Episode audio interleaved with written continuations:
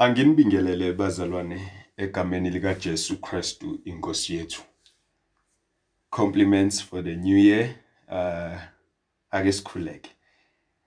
Baba wethu ongcwele, yise wenkosi yethu Jesu, dalo wezulu nomhlaba. Siyakubonga Nkosi yami eh, ngesikhathi osinika sona. Namhlanje na uNkulunkulu wethu ongcwele ukuba silalele izwi lakho. Sikuze Nkosi yami ukhulumisana nezimpilo zethu. Egameni lika Jesu Kristu waseNazaretha kuyintokozo kithina Nkosi yami ukuthi uyaqhubeka uyazambula.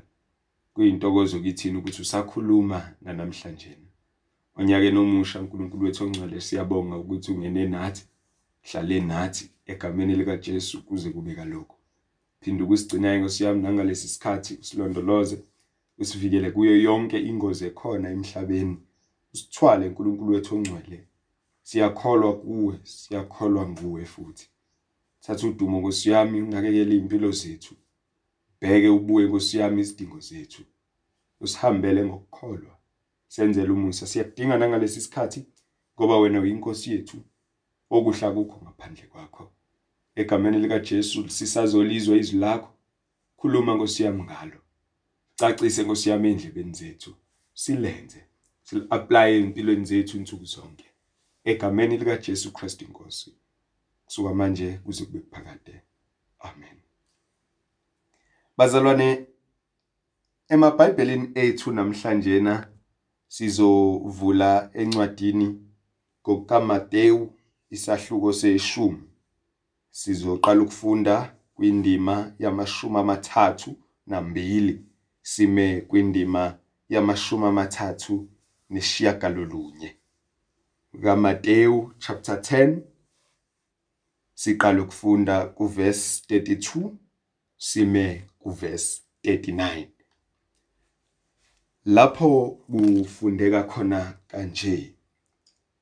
Ngalokho ke yilowo nalowo oyakungivuma phambi kwabantu nami ngiyakumvuma phambi kaBaba osezulwini. Kepha lowo oyakungiphika phambi kwabantu nami ngiyakumphika phambi kukaBaba osezulwini.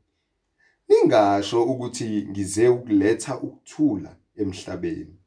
Angizanga ukuletha ukuthula kepha inkemba. Yebo ngize ukuphambanisa umuntu noyise indodakazi nonina umalokazana noninazala. Izitha zomuntu kuya kuba ngabendlu yakhe. Nothanda uyisa uyise nonina kunami. Akangifanele. Nothanda indodana noma indodakazi kunami akangifanele. Nalowo ongasithathi isiphambano sakhe angilandele akangifanele. Ofumana ukuphila kwakhe uyakulahlekelwa yikho. Olahlekelwa ngokuphila kwakhe ngenxa yami uyakukufumana. Amen. Baba izwi lakho leli liyaphila linamandla liphefumulelwe nguwe. Khuluma ngalo kithina namhlanje nayiqondisa indlela yethu. Lungise Nkosi yami inkambo yethu ngoJesu Kristu inkosi yethu. Amen.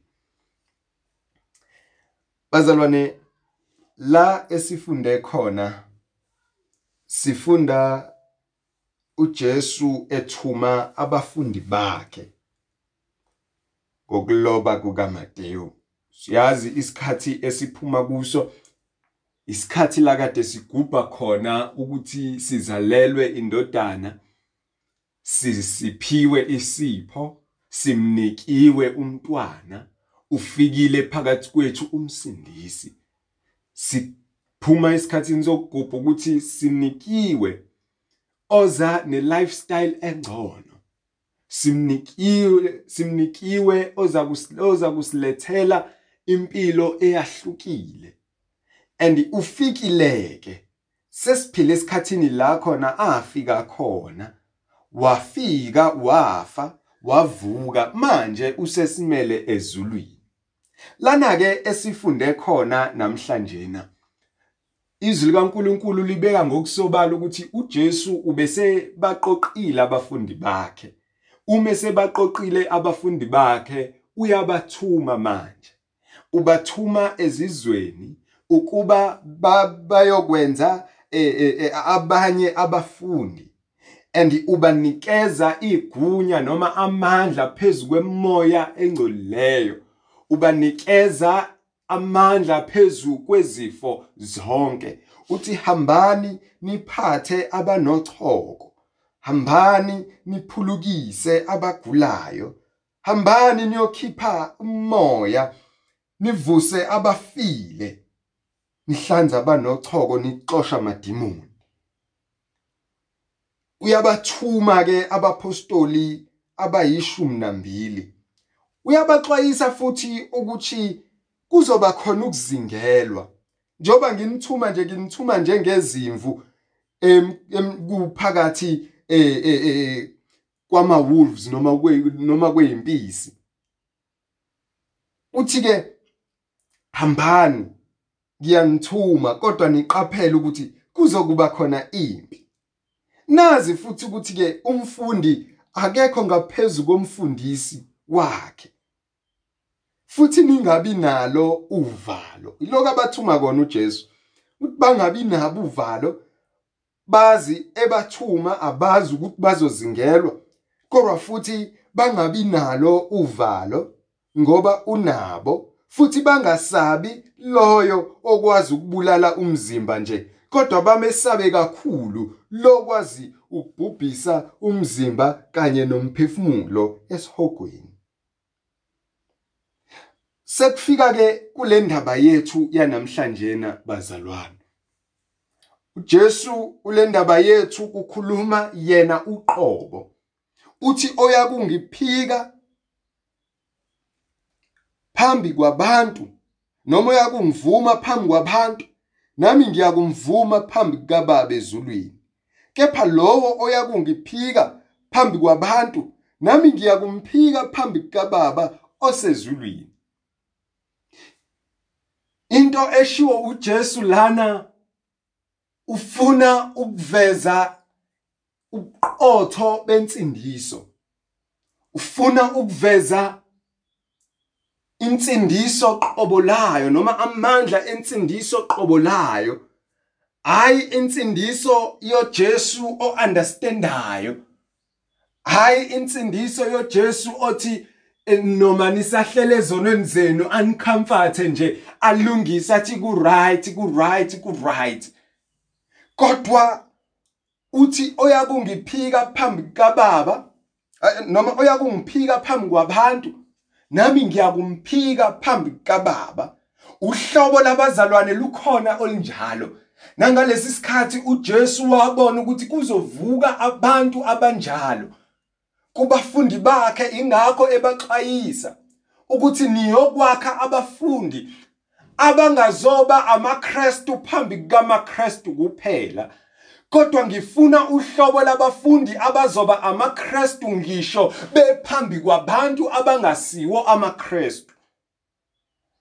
Uthi ke labo abazoba amaKristu phambi kwamaKristu kuphela ebese kuthi mase bengaphambi kwabantu bezwe baconforme ezintweni zezwe balandele izinto zezwe nemiyalo yezwe ebese bekhohlwa yimina bangiphike phambi kwabantu kanjalo nami ngizobaphika phambi kwababa. Okuphosa inselelo kuthina abazalwane namhlanje na ukuthi asibe uhlobo lamaKristu olilandela izwi likaNkuluNkulu njengoba linjalo. Abanye abamphiki uKristu ngomlomo noma verbally kodwa bamphika ngenkambo nangezenzo bebe bemfakaza ngomlomo. Lolo hlobo lamaKristu ilolu Kristu akhuluma ngalo. Ukuthi nami labo ngiyokubaphika phambi kwababa uma bekwazi ukungiphika phambi kwabantu. Nami ngiyokubaphika phambi kababa. Uthi ke ningasho ukuthi ngize ukuletha ukuthula emhlabeni. Angizange ukuletha ukuthula. Kepha inkemba. Yebo ngize ukuphambanisa umuntu noyise indodakazi nonina umalokazana noninazala bazalwane siphila esikhathini esinzima isikhathi esiphila kuso amaKristu noma abazalwane bafuna ngalolu hlobo ukuba si understand imikhuba yabo. Balanda imikhuba yabo beze nayo emabandleni ukuze izombambathwa. Balanda imikhuba yabo bangafuni ukuyishiya. Baze bayinike ngamagama bathi hayi into zami lezi. Abanye baze bathi into zasekhaya lezi. Abanye baze bathi and for the sake of peace ngithe angikwenze lokhu ukuze ngingazi uxabana nobaba. Ngithe angikwenze lokhu ukuze ngingazi uxabana noma Eh, uma uthe usiko lwale ekhaya kwenziwa kanje ngakho ukuze ngimaintain ukuthula eh, ngithe kungcono kuba ngikwenze lokho kodwa uJesu namhlanje uzosiluleka kangcono uthi ningathi ngilethe ukuthula angilethile lolo hlobo lokuthula kodwa ngizohlukanisa unina nendodakazi.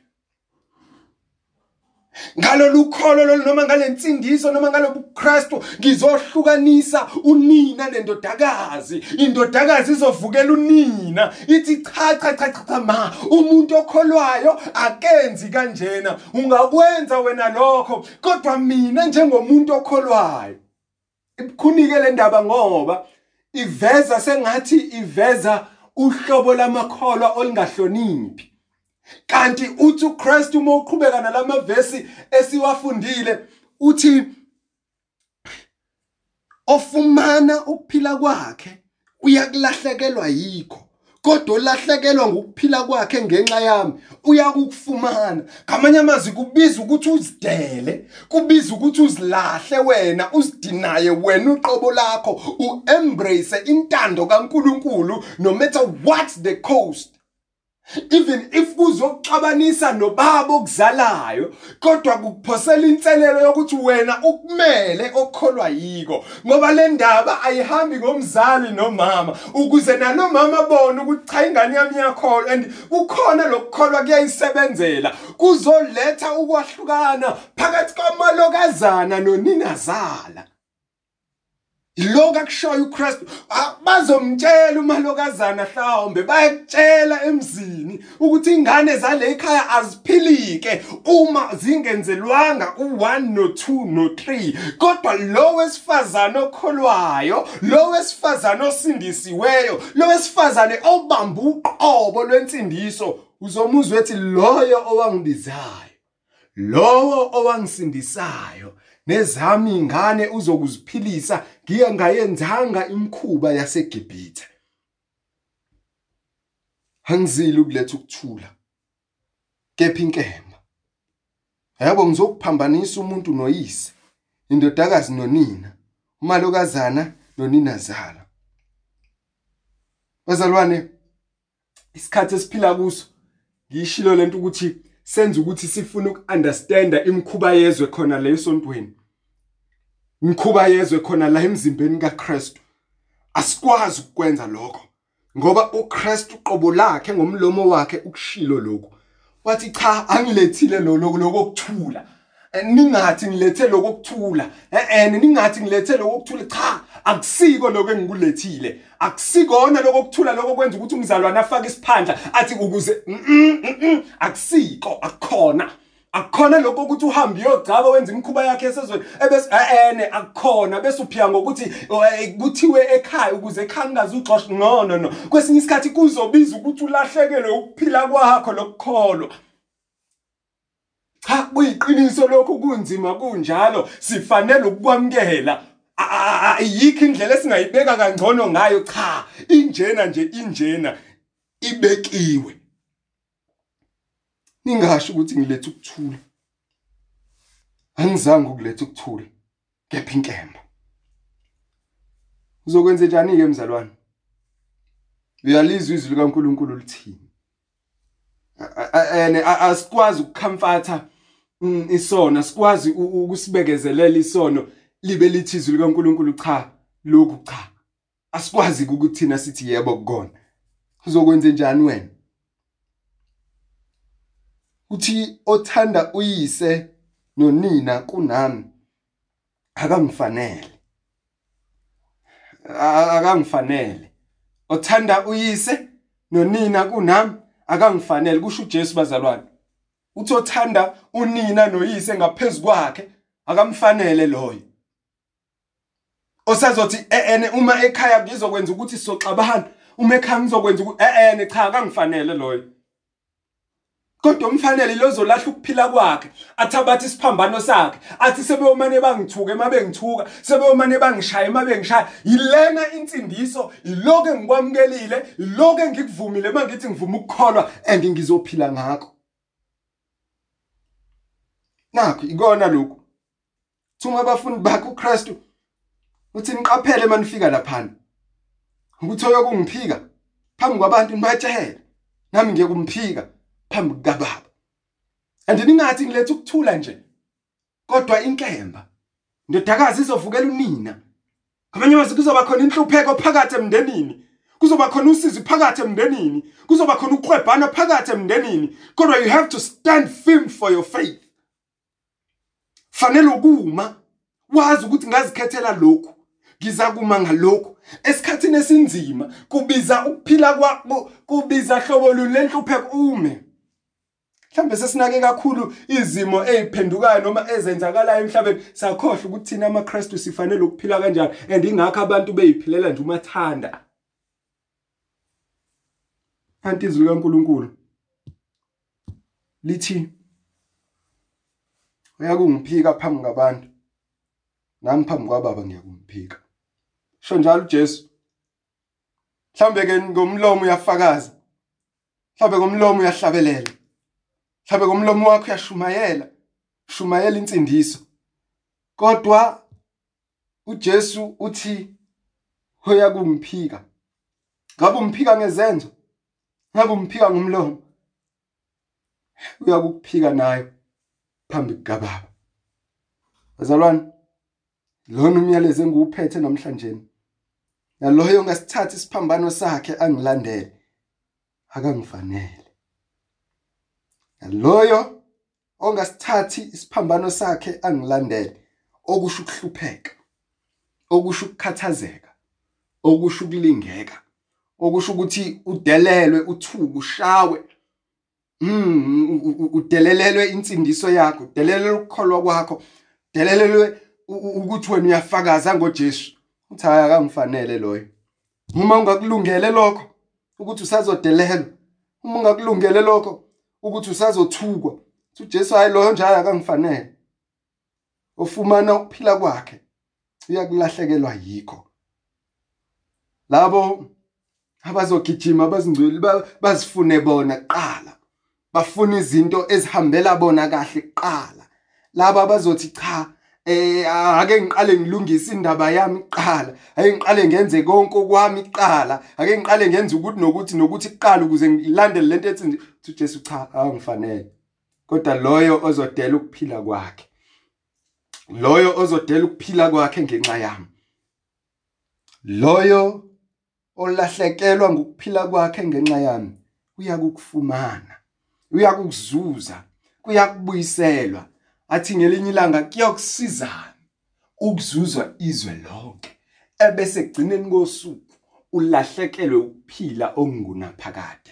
Bazalwane noma izwe belingasigxeka noma izwe belingashaya noma izwe belingengakukhuthazela ukukholwa kwethu noma izwe belingasibukela phansi kodwa masingakulahli ukukholwa kwethu okuyigugu kangaka masime siqinile kukho ebese sibambelele kulesithembiso sokuthi labo abalahlekelwa ukuphila kwabo ngenxa kaKristu bayokufumana bayokuzuza kuyobuyiselwa bayokuthola. Sithenjisiwe ukuphila okungunaphakade ngoKristu esimnikiwe.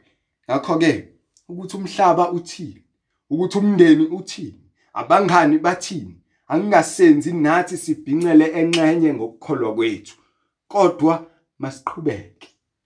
Masiqhubeke sikukhanyise ukukholwa kwethu kukhanye ukukhanya kwethu phambi kwabantu. Sikhombise ukuthi thina senzela umusa sisindisiwe. Athi uPaul ngelinye ilanga izwi lesiphambano liwubula kwababhubhayo. Abathi ke bethi ke lento lento esiyenzayo iwubula kanjani kanjani? Iyini iyini iyini? Kodwa sibe sibambelela ngoba siyazi ukuthi thina iwuphila futhi liyithemba. Lethu nasenhluphekweni. Nanku umyalezo enginiphathele wona namhlanje. Ukuthi loyo loyo oyokulahlekelwa ukuphila kwakhe ngenxa kaKristu kuyakubuyiselwa uyakufumana kodwa loyo okufuna ukuphila kwakhe noma ufumana ukuphila kwakhe uyakulahlekelwa yikho. Ngakho emzalwane ake sibuyelini ekukholweni kweqiniso esakwamukela kubapostoli. Ake sibuyeni kwiBhayibheli. Fundamental truth. Qiniso lasekuqaleni. Sambeni indlela eqondile. Sihlale nje sizinzile kuKristu ongumsindisi nomqondisi wendlela yethu. Simesabe futhi uNkulunkulu simhloniphe ngazo zonke izikhathi. Nkosi yomusa mayinibusise asikhuleke. Baba wethu ongcwele nongiyise wenkosi yethu Jesu umdali wezulu nomhlaba siyabonga izwi lakho elisikhumbuzayo Nkosi yami ukuthi sihlale siqinile kuwe sihlale sikwethemba sihlale sikudumisa. Egameni lika Jesu sime isibindi singesabi sime siqinile siqhakambisa ukholo lwethu. Egameni lika Jesu Kristu waseNazaretha iba nathi uNkulunkulu wethu onamandla onke ukuze sihlale sikwenza lokhu ukuze nkosiyami siyohlala njalo sikudumisa njalo siphila sihamba futhi ngenkambo efanele amaKristu singalingisi lelizwe kodwa sibe nkosiyami abaveza izithelo zikamoya. Egameni lika Jesu sibusise nkosiyami uhambele nathi uNkulunkulu wethu ongcwele kuko konke. Egameni lika Jesu sivikele. Baba siyakubona ukufa kusemnyango. Egameni lika Jesu kodwa ngosiyami siza ukuba siphile singabi navalo. Singabi nakwesaba kangako uNkulunkulu wethu ongcwele ngoba siyazi ukuthi wena unathi. And uma wena uma ungakithi akukho okungamelana nathi. Baba wethu ongcwele sindisa nkosiyami impilo zethu. Unabahlobo bethu abalahlekelwe izihlobo zabo. Nabahlobo bethu abalahlekelwe izingane zabo. Ngenxa yalokufa egameni lika Jesu sivikele. Sigome ngegazi lika Kristu ukuba uNkulunkulu wethu ongcwele sibe ngabasindisiweyo. Sibe ngabazosala. Sibe nkosiyami ngabazosinda egameni lika Jesu Kristu. Baba wethu ongcwele funa nkosiyami izwe lakho ukuba libuyele kuwe. Ebese nkosiyami siyazithoba. Ebese nkosiyami siyaphenduka. Egameni lika Jesu xoshe lokufa okuphambi kwethu. Egameni lika Jesu thatha udumo nangalesi sikhathi. Qinisekise nkosiyami khumbuza abazalwane bonke. Egameni lika Jesu ukuba nkosiyami bazinakekele. Egameni lika Jesu Kristu waseNazaretha abaphephe ngoba uNkulunkulu wethu ongcwele inhloso yethu ukuphinde sikukhonze sidumise sihlangene sithi sikuphelile ukufa sinqobile ngoKristu Jesu. Thatha udumo ke nesibongo kusuka manje kuze kube kuphakade. Amen. Samukela umusa bazalwane. Musa wenkosi yethu Jesu thando kaNkulunkulu Baba inhlanganyelo kaMawungcwele akube nani nonke. Kunigcine kunilondoloze azafika uJesu Kristu inkosi yethu. Amen.